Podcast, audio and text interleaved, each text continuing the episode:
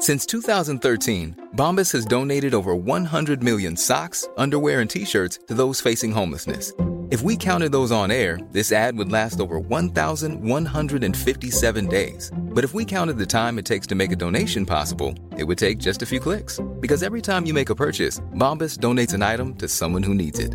Go to bombas.com slash ACAST and use code ACAST for 20% off your first purchase. That's bombas.com slash ACAST, code ACAST. Millions of people have lost weight with personalized plans from Noom, like Evan, who can't stand salads and still lost 50 pounds.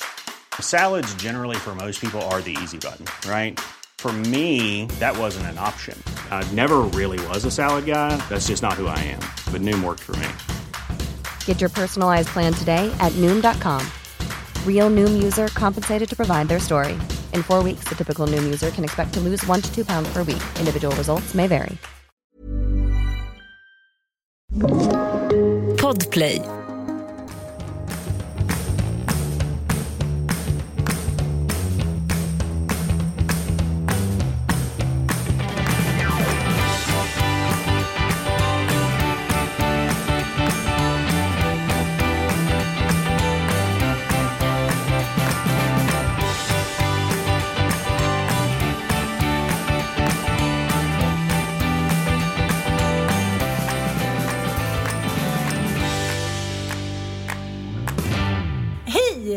Här är Lille Lördag med glada, roliga och pigga flickorna Anita Clemens och Ann Söderlund.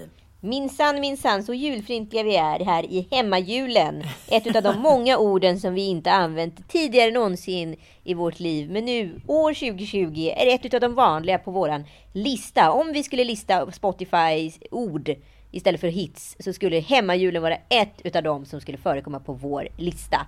Eller vad säger Ja. du? Mer om detta alldeles strax i våran fantastiska podd. Lille lördag i december. I nådens år 2020, onådens år. Tja nitisen, hur är läget? Mycket bra, mycket bra. Eller jag vet inte. Jag vet inte vad någonting är längre. Jag känner mig 100% desillusionerad. Jag känner som att jag gröt i huvudet hela Ja, tiden. Jag, får liksom inte, jag kommer liksom inte loss. Och det är inte Det är ens att- tomtegröt, utan det är sån här gröt som de beskriver i Vilhelm Mobergs Utvandrarna. Du vet, sån här klistergröt. Exakt, Som är sån här riktigt bark. klibbig.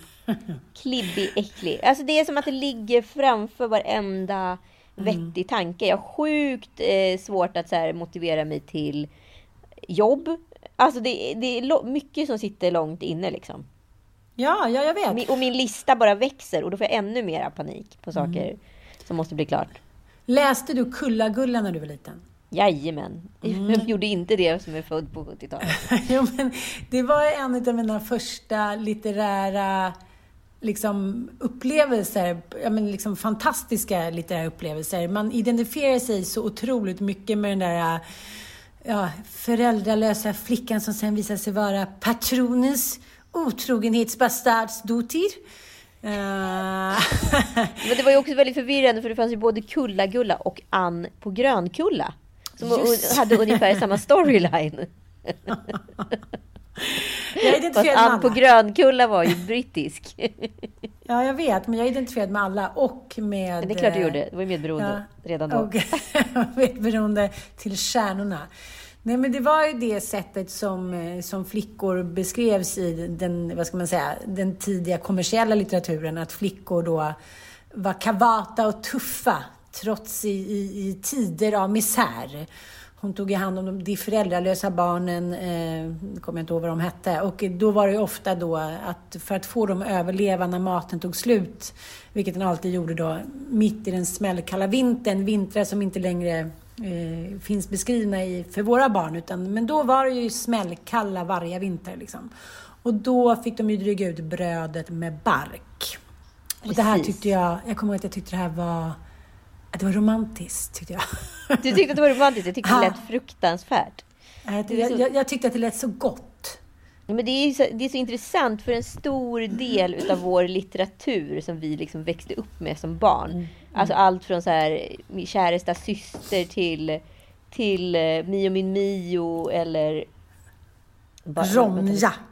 Nej men inte Ronja, men jag tänkte på, vänta, vil- vilken var det jag tänkte på? Jo, ja, till H.C. Andersens Flickan med svavelstickorna. Det är ju så fruktansvärt sorglig litteratur. Där alla egentligen liksom slutar med någon form av ond bråd död. Precis, men så är det lite i årets julkalender. Det är också väldigt stark socialrealism. Otroligt stark socialrealism. Ja, jag kan tycka så här, det kommer ifatt ungarna. Jag har varit lite så här emot det innan, att man ska låta barnen leva i en liksom i en bubbla. Men jag blir mer och mer för det. All skit de kommer liksom komma ikapp dem när de blir lite äldre. Låt dem få leva i en sagovärld. Låt eh, julkalendrarna vara en jävla enda lång saga. Jag älskade förra årets julkalender. Jag med. Ja, Pernilla Wahlgren och Per Andersson som säger... Alltså jag kan ändå tänka så här, kan det inte vara bra att så här, veta att folk har det värre då? För då kanske man hylla... Alltså istället för att man så här, tänker på att åh, de där har det så bra. Förstår du? Om man, om man tänker då att så här, åh vad hemskt de hade, då ser man ju till sig själv och tänker sig, gud vad bra jag har det. Aha, du menar att det här är en coronakalender? Ja, det är en mer fostrande julkalender. ja, jag vet, men jag, kan, jag förstår det, men jag tycker att det känns som fel år. Ja, det, det, det, kunde de ju inte veta. De spelade ändå in julkalendern ett år innan skiten men, drar igång. Liksom. Men det, det, var en grej som hände mig eh, häromdagen. Jag budade ju på en, eh, ja, en gemensam kompis då, som bor på Costa Rica. Och hon la ut då att hon, eh, ja, hon budade ut, de har ett extra hus på sin tomt som man då kunde vinna för en weekend. Mm. Och du vet ju hur jag är i min teknik, teknikfäbless. Jag budade då, men fattade inte riktigt om jag hade budat. Och jag, jag budade upp det här då 50 dollar, men sen så fick jag plötsligt så här You have won the Costa Rican food. Att jag hade då vunnit en lång helg i det här huset. Det är fantastiskt. Så, ja, men det är helt fantastiskt. Men sen så hände någonting som gjorde mig sjukt konfunderad. Jag tänkte så här, jag har inte rest på något äventyr på jättelänge. Jag har haft ett tråkigt år och ändå så kände jag mig liksom inte särskilt upplivad. Jag kände mig som en, ja, som en tant som var så glad för att hon skulle gå på kafferep ungefär. Och så, så smet jag ut igår och tog ett glas bubbel med min kompis. Vi satt ute, coronasäkert. Och så sa jag så här, men gud vad är det som händer? Jag känner mig inte ens glad för att jag eh, kanske ska åka till Costa Rica och surfa med mina barn. Och så tänkte jag så här, det har liksom lagts en sordin på stämningen för att man är så säker på att det inte kommer bli av. Ja, men man utgår från eh, ja. nederlag. Det har liksom förändrat hela ens perspektiv. Det är det jag menar så här. Hade jag fått reda på för ett år sedan att min Kenya-resa som jag skulle åkt på i, i oktober skulle cancelleras utav flygbolaget. Då hade jag varit förkrossad. Jag hade svurit, jag hade vänt upp och ner på hela världen för att jag skulle minsann ta mig till Kenya, må det bära eller brista liksom. Mm, mm. Men nu var det bara så här, jaha, okej, okay, ja, vad tråkigt. Ja, men det är det jag, jag menar. Man har resignerat. Från första ja. till andra corona-vågen liksom, så är man så här, jaha. Man blir liksom inte ens besviken längre. Man är så här, ja, ja, okej okay då man har liksom på något sätt... Luttrad i missnöje. Jo, men här, på något sätt vaggats in i att det är i den här lägenheten som jag ska vakna upp varje morgon till måndag hela veckan med så här, nu är alla barnen plugga hemifrån, även 14-åringen. Och jag ska bli irriterad på någon som... Alltså det är verkligen lite som i, eh, i, i filmen Måndag hela veckan. Har ni, ni som inte har sett den så... Eh, se den. Se den. Det är faktiskt... Jävlar vad den håller. Jag ser den i alla fall en gång om året. Ja men den är ju faktiskt det mest geniala manus någonsin skulle jag säga. Ett och geniala skådis. Ja, ja, ja. Mm, mm. Jo, jo, men det är ju ja, alla rätt. Liksom. Alla rätt. Ja, han vaknar i alla fall upp varje morgon till exakt samma måndag. Det är alltså Bill Murray som spelar den här då, eh, ja, som till slut blir så deprimerad. Han, han försöker ju allt. Kasta sig uppifrån hus, kasta sig framför bilar. Men varje morgon så vaknar han till den lilla väckarklockan, sån här 80-tals väckarklocka. Vi kan höra hur den låter här. Vi kan lyssna på en liten scen. Okay, campers, rise and shine and don't forget your booties cause it's cold out there. It's cold out there every day. What is this, Miami Beach? Don't hardly. Nice going boys, you're playing yesterday's tape. Ja, varje morgon är alltså samma dag. Han ska iväg på en liten, eh, vad är det, Bä, bävervädertolkning. Ja. Det är alltså en bäver som plockas fram varje år som ska då sia om vinterns väder. Det här är en sån här...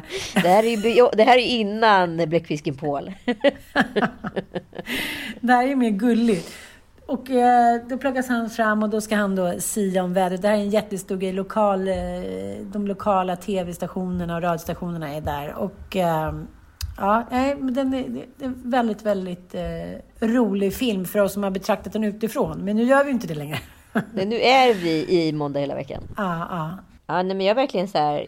Jag har ändå tyckt jag har hållit modet uppe väldigt länge det här Ja. året och varit så här. "Ah, Ja, men jag, min vardag puttrar på och det har liksom hänt små, små puttriga grejer åt höger och vänster. Mm. Eh, men nu känner jag liksom att så här, nej, nu tycker jag inte att det är kul längre. Alltså. Nej, jag håller med dig. Och det är lite så här också för att eh, jag tänker att, kom du ihåg, jag, jag tror att det var, eh, jo men det var väl, ja det var 1971 som man då i Sverige slopade den här reformen och att det skulle vara sambeskattning av inkomsterna i ett hushåll. Ja men hela idén från början var ändå liksom 1971, det var inte 1833. Alltså det är helt sjukt att man hade då sambeskattning fram till 1971. Så att då var det ju ingen, idé ens för kvinnor att vara ute i arbetslivet. För att då fick de ju bara, alltså att gå ut jag sitter ju hellre hemma och liksom tittar på Lennart Hyland än att gå ut och, och jobbar helt gratis. Alltså, Exakt, exakt. ja, hur som helst så, eh, så blev det den största skilsmässovågen i svensk historia, vare sig liksom förr eller senare. När sambeskattningen slopades så drog, tog brudarna sina små orangea och ljusblåa Volkswagen-bubblor och drog från Leffe, Lelle, Conny och Ronny. Och eh, är det så det kommer bli nu, tror du? När eh, vaccinet börjar slå in? Kanske.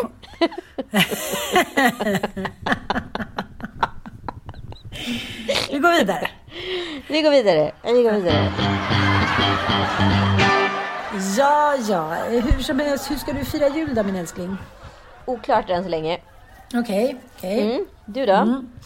Nej, eh, pappa är ju då eh, i Tranås eh, med sin, ja om det nu, jag vet inte om det är ett ex nu, han ska ju flytta tillbaka till Katrineholm. Och, eh, men han har ju, alltså det, det går ju inte att andas på honom eh, utan att han, alltså det går, eh, corona, det går inte. Och även svärföräldrarna är ju, ja, men Sverige har ju hjärtproblem. Men Mattias bror med fru kommer hit, vilket jag tycker är väldigt festligt. Så vi ska ju då fira jul här hemma. Det känns väldigt vuxet. Även om jag alltid känner mig som 15 år så kände jag mig helt plötsligt lite vuxen att jag skulle ha jul här hemma. Känns lite fint. Men gud vad trevligt. Ja, Ja. det kanske blir något sånt för mig med. Vi kanske ses på julafton, vem vet. Ja, men och det här leder oss ju raskt in på eh, det här med Spotify-listan. Varje år vid den här tiden så kommer ju Spotify-listan ut då. De, dina mest spelade spår under året. Och det här skulle man då kunna tolka ett och annat utifrån sig själv. Eh, min Spotify-lista är ju inte som sagt helt helt i synk med mig eftersom alla våra spår eh, synkas in i samma feed. Så att det säger inte så mycket om mig. Däremot så tänkte jag på om man skulle översätta den här Spotify-listan till mest använda ord under året som man inte stött på tidigare i samma, i samma vad ska man säga, omfattning så har det ju ändå hänt en hel del. Och jag tänkte bara att vi skulle gå igenom en liten repertoar med ord och dina associationer runt de här. Aha. Mm. Så om jag skulle säga begreppet FHM till dig, då kanske du år 2019 hade associerat det här med, med den glada liksom, pinup-tidningen For Him Magazine som är en brittisk, eh, ja vad ska jag säga, lätt utvikningstidning. Lite som Café var förr i tiden. Mycket så här vapen, snabba bilar och snygga brudar. Liksom. Men idag vet vi att det står för något mycket knastertorrare. Kan vi säga så? Folkhälsomyndigheten. Väldigt långt ifrån For Him Magazine. Ja, men, nej, men vadå med den eh, liksom personkulten som i och för sig är kring eh, Tegnell så kanske det är For Him Magazine. ja, jo. Han har i och för sig verkligen. dalat lite. Han har dalat lite. Ja, men han är petad utav Stefan Löfven så nu får han inte uttala sig längre på sina dagliga Gubbar presskonferenser. som, säger, alltså gubbar som säger hur det är och sen är det inte så. Det ska vi också prata mer om sen. Jag har en Ja, liten det, det, tes. där Ja. kan, vi, kan, vi, kan vi skruva ordentligt. Mm, Sen om jag skulle sagt till dig år 2019 begreppet handsprit, vad hade du sagt då? Ja, men typ eh, förlossning. Att, så här, hade inte bar, tog inte barnmorskorna det innan de skulle trycka ut småsvinen? Ja, men det är någonting som har med Ja. sjukhus att göra. Alltså en Ja. väldigt sanitär miljö. Det är inte någonting som finns på vart och varannat vardagsrumsbord. Liksom. Nej, nej, nej, nej. Ska, om du, du hade sagt till dig år 2019 så här, du kommer ha en handsprit hemma i hallen och en på toaletten och varje gång du går in på en restaurang så kommer du behöva ta lite handsprit. Vad skulle du sagt då? Äh, jag, skulle, jag skulle nog skrattat. Jag skulle nog... Äh, jag tänkte på vår restaurang här bredvid, vi brukar gå och köpa... Vi beställer pasta och så går vi och hämtar. Och de kommer alltså ut till en i dörren och så här sprutar ens händer. Känns lite som så här, jag ska inte jämföra med några historiska, men, men ja, lite som när tyskhororna blir slagna med påkar, kan jag inte jämföra med. Men, men, men lite sådär, man sätter det i ett historisk kontext, att man, man får inte själv bestämma längre. Utan Nej. staten bestämmer att du är utpekad som en smittorisk. Precis, du Ja. är en smittohärd. Ja! Eh, ja, och om jag säger då, om, jag vet inte hur det var för dig i alla fall, men det är flera gånger som jag har behövt att bud ska lämna saker utanför dörren och då ska det alltså kopieras någon form av säkerhetsdokument som ska antingen skickas in då digitalt till typ skänker eller vart det nu ska. Eller sättas upp en lapp på dörren med en handskriven underskrift som också är ett printat ex då från eh, någon form av grej från budfirman. Idag är det ju bara liksom mer regel än undantag att man lämnar ett bud utanför dörren. Ja, gud ja. Det blir man ju typ lite så stressad över för. Tänk om någon tar eller... Man tyckte att det var lite opersonligt, för det där sitter ju ändå i lite. Jag tänkte på det när jag såg The Crown, att liksom långt in på 70-talet så kom det ju mjölkbud till engelska hem på morgnarna. Ja, Ja, men Det det, finns ju någonting otroligt mysigt i det. Och jag tänker så här, gamla människor, även om de var ensamma förr i tiden, så fanns det ändå så här dagliga mötesplatser som ändå gjorde att man fick så här tjattra lite. Nu är det ju så här helt tyst. helt tyst. Ja. Ja, men så bud, alltså det har hänt jättemycket på budfronten. Alltså det är från det här otroligt byråkratiska systemet där det liksom var någon form av man var tvungen att gå och få liksom en dubbning utav kungen för att kunna få sitt bud lämnat utanför dörren. Det, det har liksom gått på en handvändning så fort. Om jag säger så här kriskommunikation, vad betyder det för dig år 2019? Ja, men jag hade ju fått den där tillskickad, den där uh, krig som barnen skulle läsa i skolan, du vet, om vi hamnade i Ja. krig. Så, att- så att jag var ändå lite inne på det. Det är bara det att man tog det också lite som, som en så här gullig pamflett. Så här, en fantasia Åh, vad utopio. vintage! Så Alltså, så det retro, så så 80-tal. Ja, men, jo, men det, det är liksom... Det har ändå varit så, så tryggt och gulligt att växa upp i det här landet. Det har det Ja, verkligen. Vi har liksom inte i vårt, imploderat i vårt DNA. Vi sitter som trygga jävla hönor. Vi är lite så som Petssons hönor. Ja, men vi, vi vill rymma ibland, men sen, så, då måste vi ha en stor höna som så här, s- visar oss vägen. Men sen så blir vi lite trötta, så är det ganska mysigt där inne, liksom, där vi, ja, inne i vår lilla hönsfarm. Och där finns det lite frön och lite tuppar. Så vi, vi går tillbaka. Vi, vi, vi har inte, det är inte så mycket revolution över svenska befolkningen längre. Nej men jag tänker mer så här att man när den där pamfletten landade i brevlådan eh, 2019 tänkte jag så här. Oj, nu är rysshotet reellt. Det är nu vi ska så här, bli rädda och akta oss för ryssen. Jag har till och med en liten så här, överlevnadskit nere i min källare. Så att jag ska så här, klara mig på lite konserver och sånt där ett tag. Mm, vad är det då i det här överraskningen? Ja, men det är så, så här, kriskommunikation som då jag tolkade som någon form av så här, rustning för krig mot ryssen. Det, det skulle så här, det har ju, ja, det är väldigt långt ner på listan just nu kan jag säga. Jag är inte rädd för samma saker idag som jag var 2019. Frågan är om jag överhuvudtaget är rädd för någonting.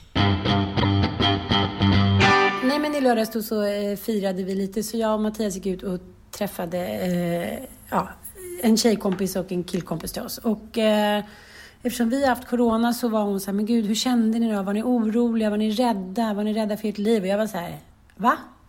Rädd för mitt liv? Så här, Nej, vad, vad menar du? Ja, men när du mådde illa och så här, kände du så här, gud, jag kanske kommer dö? Jag bara, nej. Medan Mattias verkligen hade varit orolig så här. Och bara, ja, men så fort han kände minsta lilla grej så var det så men gud, är det tryck över bröstet nu? Kommer jag få feber? Han var så otroligt orolig för det här med Corona. Och det är ju någonting som liksom har visat sig så jävla mycket. Och det pratade ju vi om redan i våras. Att mm. det har liksom visat sig att så här, män är så otroligt mycket mer skraja för corona än vad vi är. Mm. Vi kvinnor. Och det här tycker jag är så här, det är liksom någonting som är så här, det ruckar på alla fundament. För det är ju fortfarande så att snubbar har liksom typ all makt i världen. Det är fortfarande snubbar som så här, på något sätt ska ta hand om hem och fru och barn, på något sätt ansvara liksom, för att försörja och liknande. Och helt plötsligt visar det sig att de flesta snubbar när det väl gäller blir små rädda mammas gossar. Liksom. Otroligt, de som har ryckt ut i krig och allting, så är det de ja. som är räddast. Och också jo, far men, illa, men... mest illa för att vet vi väl alla hur många veteraner som går runt och är krigsskadade. Jo, men jag tycker ändå att det är, liksom, det är någonting fundamentalt som har hänt. Och det är ganska roligt i de här nya studierna att snubbarna klarar ju av isoleringen. De blir mer sjuka, liksom tre gånger oftare sjuka. Men, och de, men de klarar isoleringen i längden mycket bättre.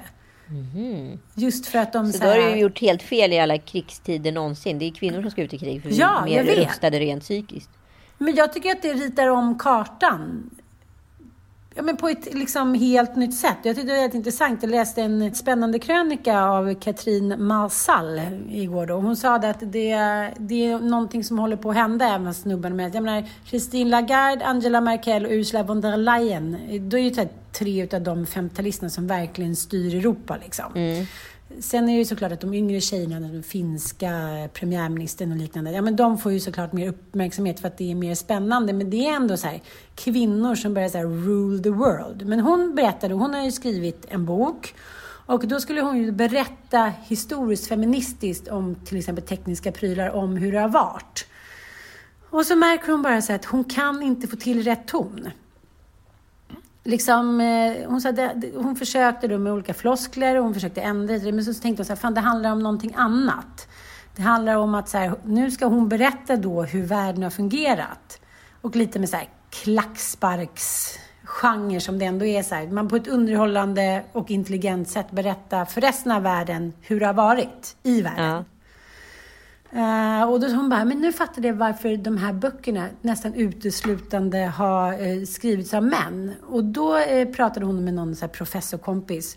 Och då sa hon så här att, att, vi kvinnor, vi är så jävla uppfostrade till att säga så här, men så här tänker jag att det skulle kunna vara. Ja, men jag tänker att det kanske skulle kunna vara så här, medan snubbar är, skriver så här, så här är det.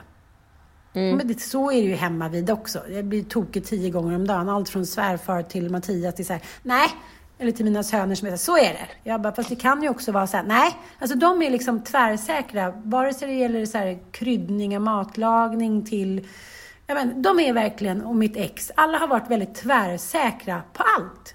Mm. Vad det än gäller så är det så här, så här är det. Medan jag som kvinna då är lite så här, men kanske skulle det kunna vara så här.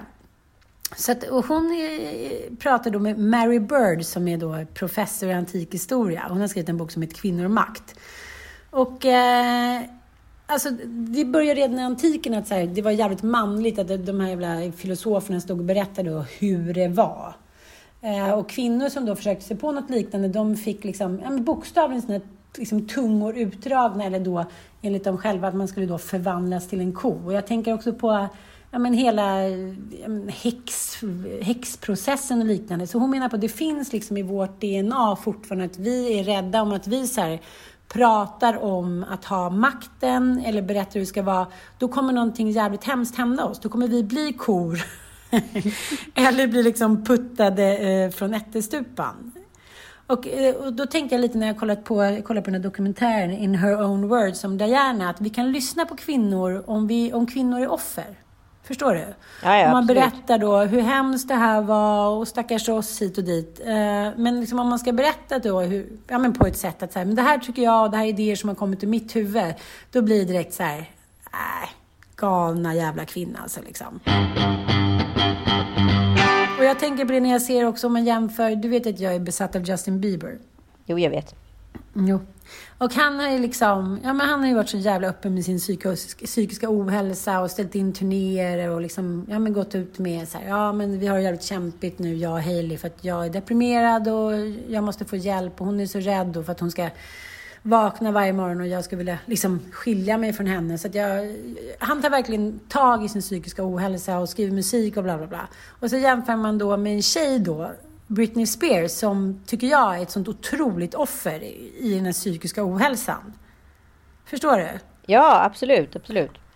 Ja, och, och jag tror att det handlar om det där att så här, om vi säger hur det är eller liknande, då finns det den där undermedvetna att vi så här, finns den där skräcken är att vi, ja men att vi ska bli crazyfierade eller inte tagna på allvar eller helt liksom utputtade i kylan som galna människor. Liksom. Ja, jag, jag, jag håller med dig på i mångt och mycket, men jag tycker teorin faller på två ställen. Dels Okej. är Britney Spears väldigt mycket äldre än Justin Bieber och tillhör liksom ett äldre eh, garde kvinnor. Som också måste hela tiden, alltså den här styrkan som de här kvinnorna visar, eh, den, den skadliggör dem ju också otroligt mycket på ett sätt. Han är ju en väldigt ung, modern man som så här tar bladet från munnen och glappar direkt i sociala medier. Eh, och berättar hur, ja, hur status är, liksom, innan han har ens pratat med sin familj. Alltså i princip. Eh, och det är ju inte heller vettigt och rätt. Liksom. Så jag skulle säga att så här, båda de här tillvägagångssätten kanske inte är optimalt. Liksom. Men det kan ju också handla om någon form av fartblindhet. Och har du vuxit upp och liksom när dina föräldrar har understött din barnadröm. Har, ni, och har också alla blivit fångna i den på något sätt. Jo, men jag fattar. Men, men jag tänker så här, om man tar prinsessan Diana. Hon har ju ändå, tycker jag, framställt sig själv som ett offer för omständigheterna. Och inte så här, jag, menar, jag ska inte prata illa om någon som, som ligger i jord. Men till slut så blir jag lite, efter att ha sett så här, The Crown och sett serien, så kände jag så här, men gud, hur, nu, får vi, nu får du sluta vara ett offer för omständigheterna. Du är en här vuxen tvåbarnsmor. Och det säger hon ju själv också i dokumentären, att hon så här, Ja, men hon satte ner foten under någon helg där med Camilla Parker Bowles och bara så här, vet du, jag vet vad som har pågått, jag vet för fan allt som har pågått hela tiden. Så här, snälla, så här, leave my husband alone, typ. Och då var det liksom, det var hennes sätt att, då sa hon så här, det var som att vakna upp och andas en helt annan luft dagen efter. Mm. Och jag tror att som kvinnor så tänker man ofta att, här, att sätta ner sin fot och ställa krav och, och ha liksom specifika behov. det är så jävla okvinnligt. Men just i USA, eller, förlåt, men just i England så har det alltid funnits så kvinnliga förebilder. Förebilder, så här, drottning Victoria och Elisabeth den första och sen även då Nancy, nej, Nancy vad heter hon? Nancy Reagan. Nej, utan vad heter hon? Eh, ja, men, som har varit med i The Crown. Gud. Har Margaret Thatcher? Loran. Ja. ja, men till exempel om du tar i Storbritannien, där har det alltid funnits förebilder. Som Elizabeth I eller ja, Queen Victoria. Och, ja, men det har funnits liksom kvinnor som ändå haft makten väldigt tidigt. Och Ja, och de, blir- alla de här kvinnorna är ju som krigsherrar. De är ju som Katarina den stora. De är ju liksom krigsdrottningar. Ja, ja. Precis som Thatcher också var. Liksom. Alltså, anledningen varför de fick männens gunst var ju för att de var en krigslady. Liksom. Eh, och så Ja. den, här, den här svaga kvinnan som Diana då liksom symboliserar. Det fanns liksom inget utrymme för henne eh, riktigt. Nej. Alltså, hon, blev ju en, hon blev ju liksom som en ja, men som en Marilyn Monroe i kungahuset. Alltså, hon var ett kuttersmycke. Hon var vacker att titta på men hon var skör och fragil och, och oduglig i alla typer av officiella sammanhang. Liksom. Ja, och, men, men där blir det också väldigt tydligt att, så här, att, att vi vill ha men då på något sätt, innan i alla fall, har velat ha dem på något, liksom, spelar ingen roll hur jävla inkompetenta de har varit, vill ändå ha dem liksom som chefer och idrottsledare och fan hans moster liksom. Men vi älskar ändå det kvinnliga offret som är symbol för allt det vi känner. Det var ju därför det blev liksom så jävla galet. Och det är det som Justin Bieber har sagt. Så här, jag pallar inte med det. Jag pallar inte med att gå ut på gatan och känna mig som, som ett jävla jagat djur. Han sätter ju liksom stopp, men han klär sig ju inte i någon offerroll. Nej, det gör han ju inte. Men offerrollen... Alltså, här kommer ju också manligt kvinnligt in. För att kvinnor tycker ju det är jävligt härligt att tycka synd om män. Eh, Ja, män, ja. män älskar ju inte att tycka synd om kvinnor. De tycker att det är ganska ansträngande och påfrestande när kvinnor Jo, gråter tack, jo, och är, är jobbigt. Så att så här, det, det, här är det ju liksom, de, de känner sig ju hopplösa och hjälplösa. De tycker synd om kvinnor men det, det, det skapar ju ingen form av så här styrka. Utan då blir männen starka. I det här fallet så är det ju så kvinnor som tycker synd om Justin Bieber så han blir stärkt av kvinnor. Här är det otroligt mycket könsrollsbaserat liksom. Det är därför det är så himla svårt att förhålla sig till Britney Spears. För hon visar ändå en styrka i sin galenskap mm. fast egentligen är hon ett offer. Och jag är jätteperplex i hela hennes situation. Jag kan liksom, det är som att jag inte kan sluta titta på tågolyckan. Men jag, jag tycker ju synd om henne men samtidigt så tänker jag så här hur har det uppkommit? Alltså jag, jag, det ställer mig en fråga för mycket hela tiden på något sätt. Ja, men, men jag tycker ändå att det är intressant om man ska prata om den här symboliken. För jag kan tycka så här, Justin Bieber, han, ja, han sjungit den där Lonely då, att han blev känd tidigt och så här, men han, när han mådde dåligt så hade han ingen att ringa och sådär. Och så har han ju gjort en video nu med Sean Mendes som heter Monster. Där mm. liksom de sjunger så här, tänk om vi skulle falla, tänk om det perfekta vi är skulle gå, liksom, Tänk om det skulle visa sig att det liksom krackelerade den perfekta ytan. Så känner jag bara så här, men Sean Mendes verkar inte vara ett dugg... han verkar inte vara ett dugg deppig för att han liksom blev stjärna när han var fyra år. Det verkar vara liksom hela hans dröm och det enda han vill leva för. Och han verkar inte ha mått dåligt över det. Men sen så fattar jag att han också måste ha en lite så här coolare attitude för att liksom gå vidare från att vara flickidol. Så då blir de ändå, de blir också symboler. Jag tänker så här, Madonna till exempel, jag tror inte att hon egentligen vill stå klädd som symbol för en hel jävla feministisk era. Hon var bara så här, en cool tjej som ville nå toppen. Glad, kåt och dansig. Liksom. Det var det hon ville ja. vara. Hon ville bara vara så här, ja, jag, vill, jag vill kunna ligga med vem jag vill utan att bli dömd. Aha, oj, nu blev jag en feminist. Ja, då får jag väl vara ja, det då. Ja, och just det att man måste klä sig i någonting för att få auktoritet. Förstår du vad jag menar? Ja.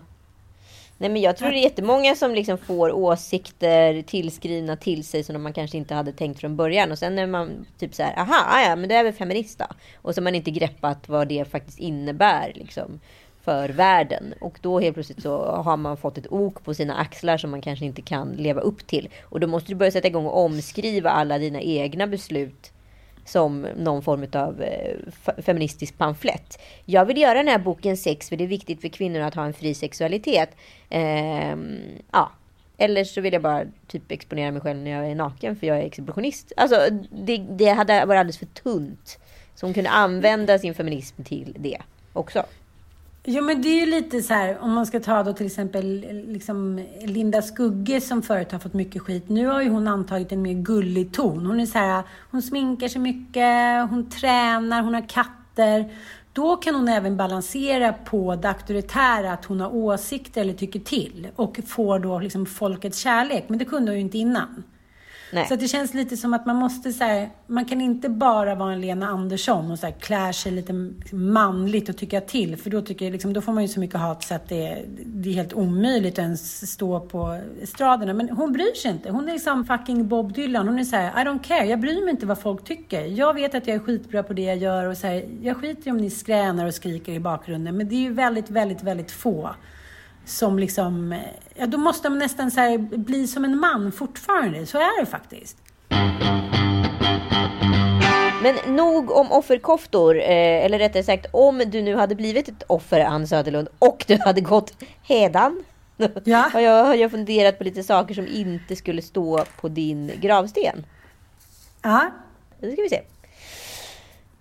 Jag hatar Gotland.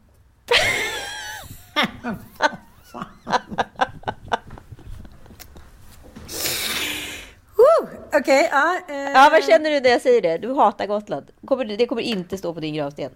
Nej, jag trodde vi skulle vara lite mer gudsfruktiga när vi skrev det här. Vi skulle hålla oss inom liksom, eh, gravstensgenren, men du har liksom gått helt utanför. Nej, jag har gått ett helt annat spår. ja, jag fattar. Nej, det kommer nog aldrig stå. Det tror jag inte. Sen kan ju mycket hända som gör att jag kan börja göra det. Men, men det, det, kommer nog inte stå på min gravsten. Nej. Nej. Ja. eh, jag får höra mina. Ja, nu är det mina. Eh, mina har ju tema. Mm -hmm. som, du, som du kanske kan eh, luska upp snart. Eh, eh, här vilar Anita Clemens.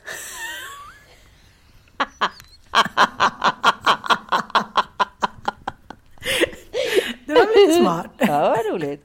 Ja. Ja. ja, och då kommer vi till nästa. Som är lite i samma gränsland som din.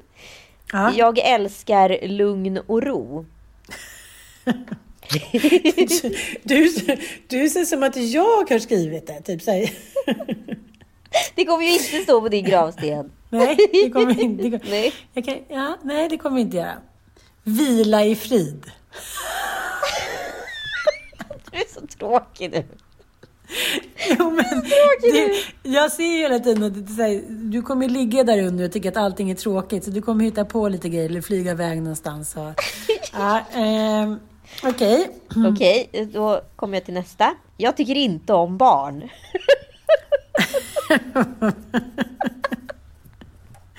Du tänker mig att det här är så här en pamflett? Att jag står typ på en marknad och tycker till?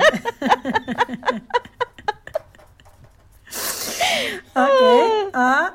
Vår ängel har flugit till himlen.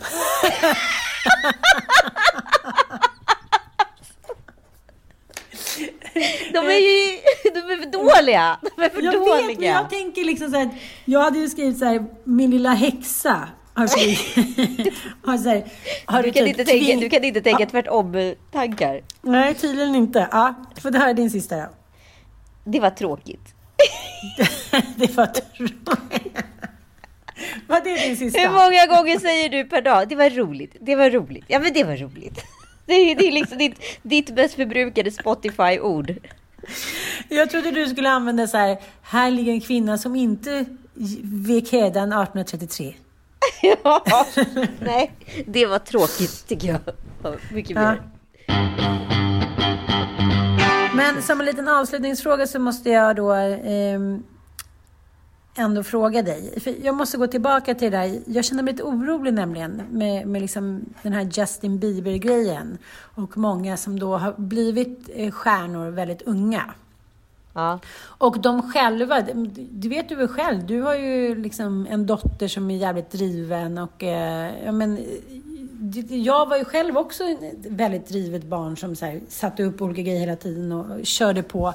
Nu bodde jag ju liksom i Jönköping i typ onådens år. Det kändes ju som att det var liksom verkligen DDR-Sverige, så det kanske inte ledde till så mycket så här Hollywood tap dances.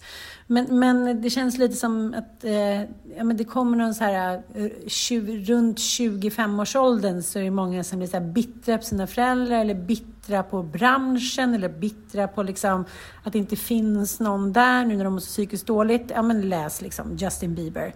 Fast det var ju så här, han ville ju det. Ska man säga nej då? Eller? Jag fattar inte riktigt hur man ska bete sig. Om man får ett barn som är så här begåvad, ska man bara säga nej du, du får vänta tills du är myndig. Då kan du börja dansa och sjunga. Ja, men det där är ju det är en hopplös grej. Liksom det, det, är svår, det är svårt att vinna den. Plus att så här, som förälder kommer man ju alltid bli också så här utsatt. Det var du som tvingade mig. Nej, fast nu hade ju du ett driv. Du jag gjorde ju inget annat än att dansade och sjöng. Och, ja, Mm. vi, alltså så här, men, ja, jag kan ju säga utifrån liksom Pennys eh, håll. Det var ju så här. Hon tyckte det var lika roligt som vi. Och sen så till sist så fattar man så här, oj nej, men det kanske kan skada henne. Vi får nog ta det Ja. lite lugnt. Hon är alldeles för sårbar liksom. Eh, Men så när man- kände du det? Alltså förstår jag menar? När Nej men jag kände du? väl det när liksom hon... Alltså för oss var det så här, vi satt ju hemma och spelade in liksom lite trudelutter. Och sen så blev det en, en, jag en platinum-hit på Spotify. Eh, och folk kommer liksom springande mot henne i lekparker och hon är trots allt sex, eller ja, då var hon fem år gammal liksom. Eh, och går i förskolan och så kommer liksom stora killar på 15 år rusande mot henne och är liksom fans.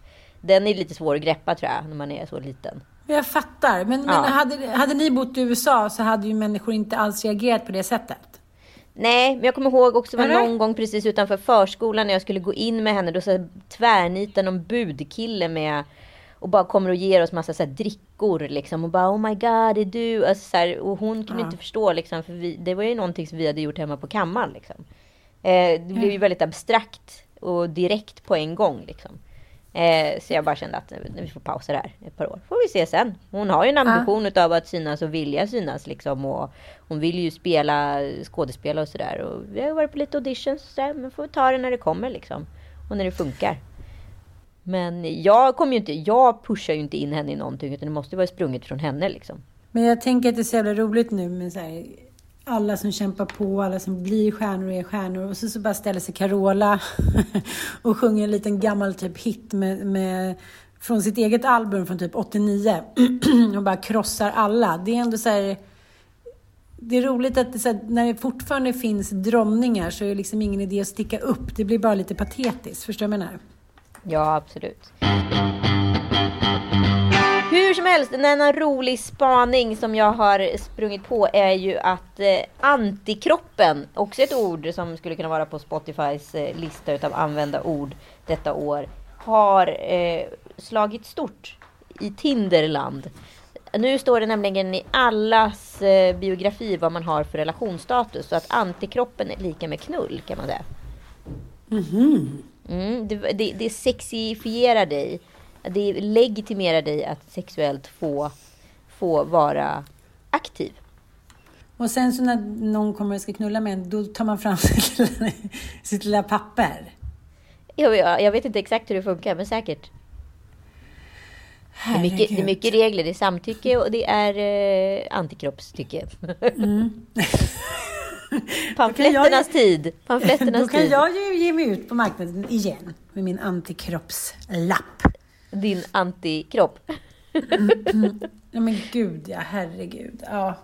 Nej, men här får man höra både en det ena och en det andra. Det är ju det att jag lever ju lite i min så här, bubbla. Jag, jag går inte ofta in i omklädningsrum, jag tittar inte på min rumpa i duschen hit och dit. Men ibland så finns det ju andra som tittar på en. Eh, och då menar jag inte under täcket, eh, under Bullybompa 6, utan eh, ja, ens mycket brutalt ärliga söner. Igår kom en av mina tonårssöner in för han var akut kissnödig och vi är inte så, eh, ja, vi är inte så blyga, buskablyga i vår familj så att vi, eh, ja, vi är nakna och vi tycker det är härligt. Och då sa han så här till mig, boxy ass. Och så hade han kissat klart och så gick han ut. Så att jag hann liksom aldrig riktigt, eh, jag hann aldrig riktigt förstå innebörden av det, men jag tog det genast som en komplimang. Kvinnan med världens bästa självkänsla. I love it. Så jag tänkte så här, jag, jag, jag valde mellan om boxy var att det var gropar i rumpan som man kunde så här boxa in, eller om att den var så här boxy, alltså boxningsvänlig, så här härlig, fluffig liksom. Så jag duschade klart och gick ut och sa så här, vad menar du liksom med, boxy ass? Är det, så här, är det någonting bra? Alltid någonting bra. Alltid, Ah, såklart. nej, men de menar så här, nej men boxy, like in a box. Alltså så här, en fyrkantig. Så liksom, han ritar då, som han tror att jag är så gammal att jag inte förstår engelska. Jag är ju knappt det. Men han, han ritade så med, med händerna, så här, som en box. Det var det. Det, var det då, att jag hade alltså en helt fyrkantig rumpa. Och sen så, men sen så skämdes han lite och sa oj förlåt, did I offend you? Tydligen på engelska igen. Eh, sårade jag dig? Det var inte alls meningen, men den är väldigt fyrkantig. Men jag ser fortfarande det som någonting bra. Ja, men det är väl fantastiskt. Då ska du jobba vidare på din eh, fyrkantiga rumpa. Det är ju, Ja, någon ska ha det med. Jag tänker att det kan bli väldigt bra om den fyrkantiga rumpan blir lite bulligare, för då skulle man ju kunna använda den till allt möjligt. Bord, bokhylla. Det gäller att se allt positivt, min, min älskling. Ja, det gör det. Du, vi hörs om en vecka. Ja. Puss och kram. Ja, hej, hej. Puss och kram. Hej.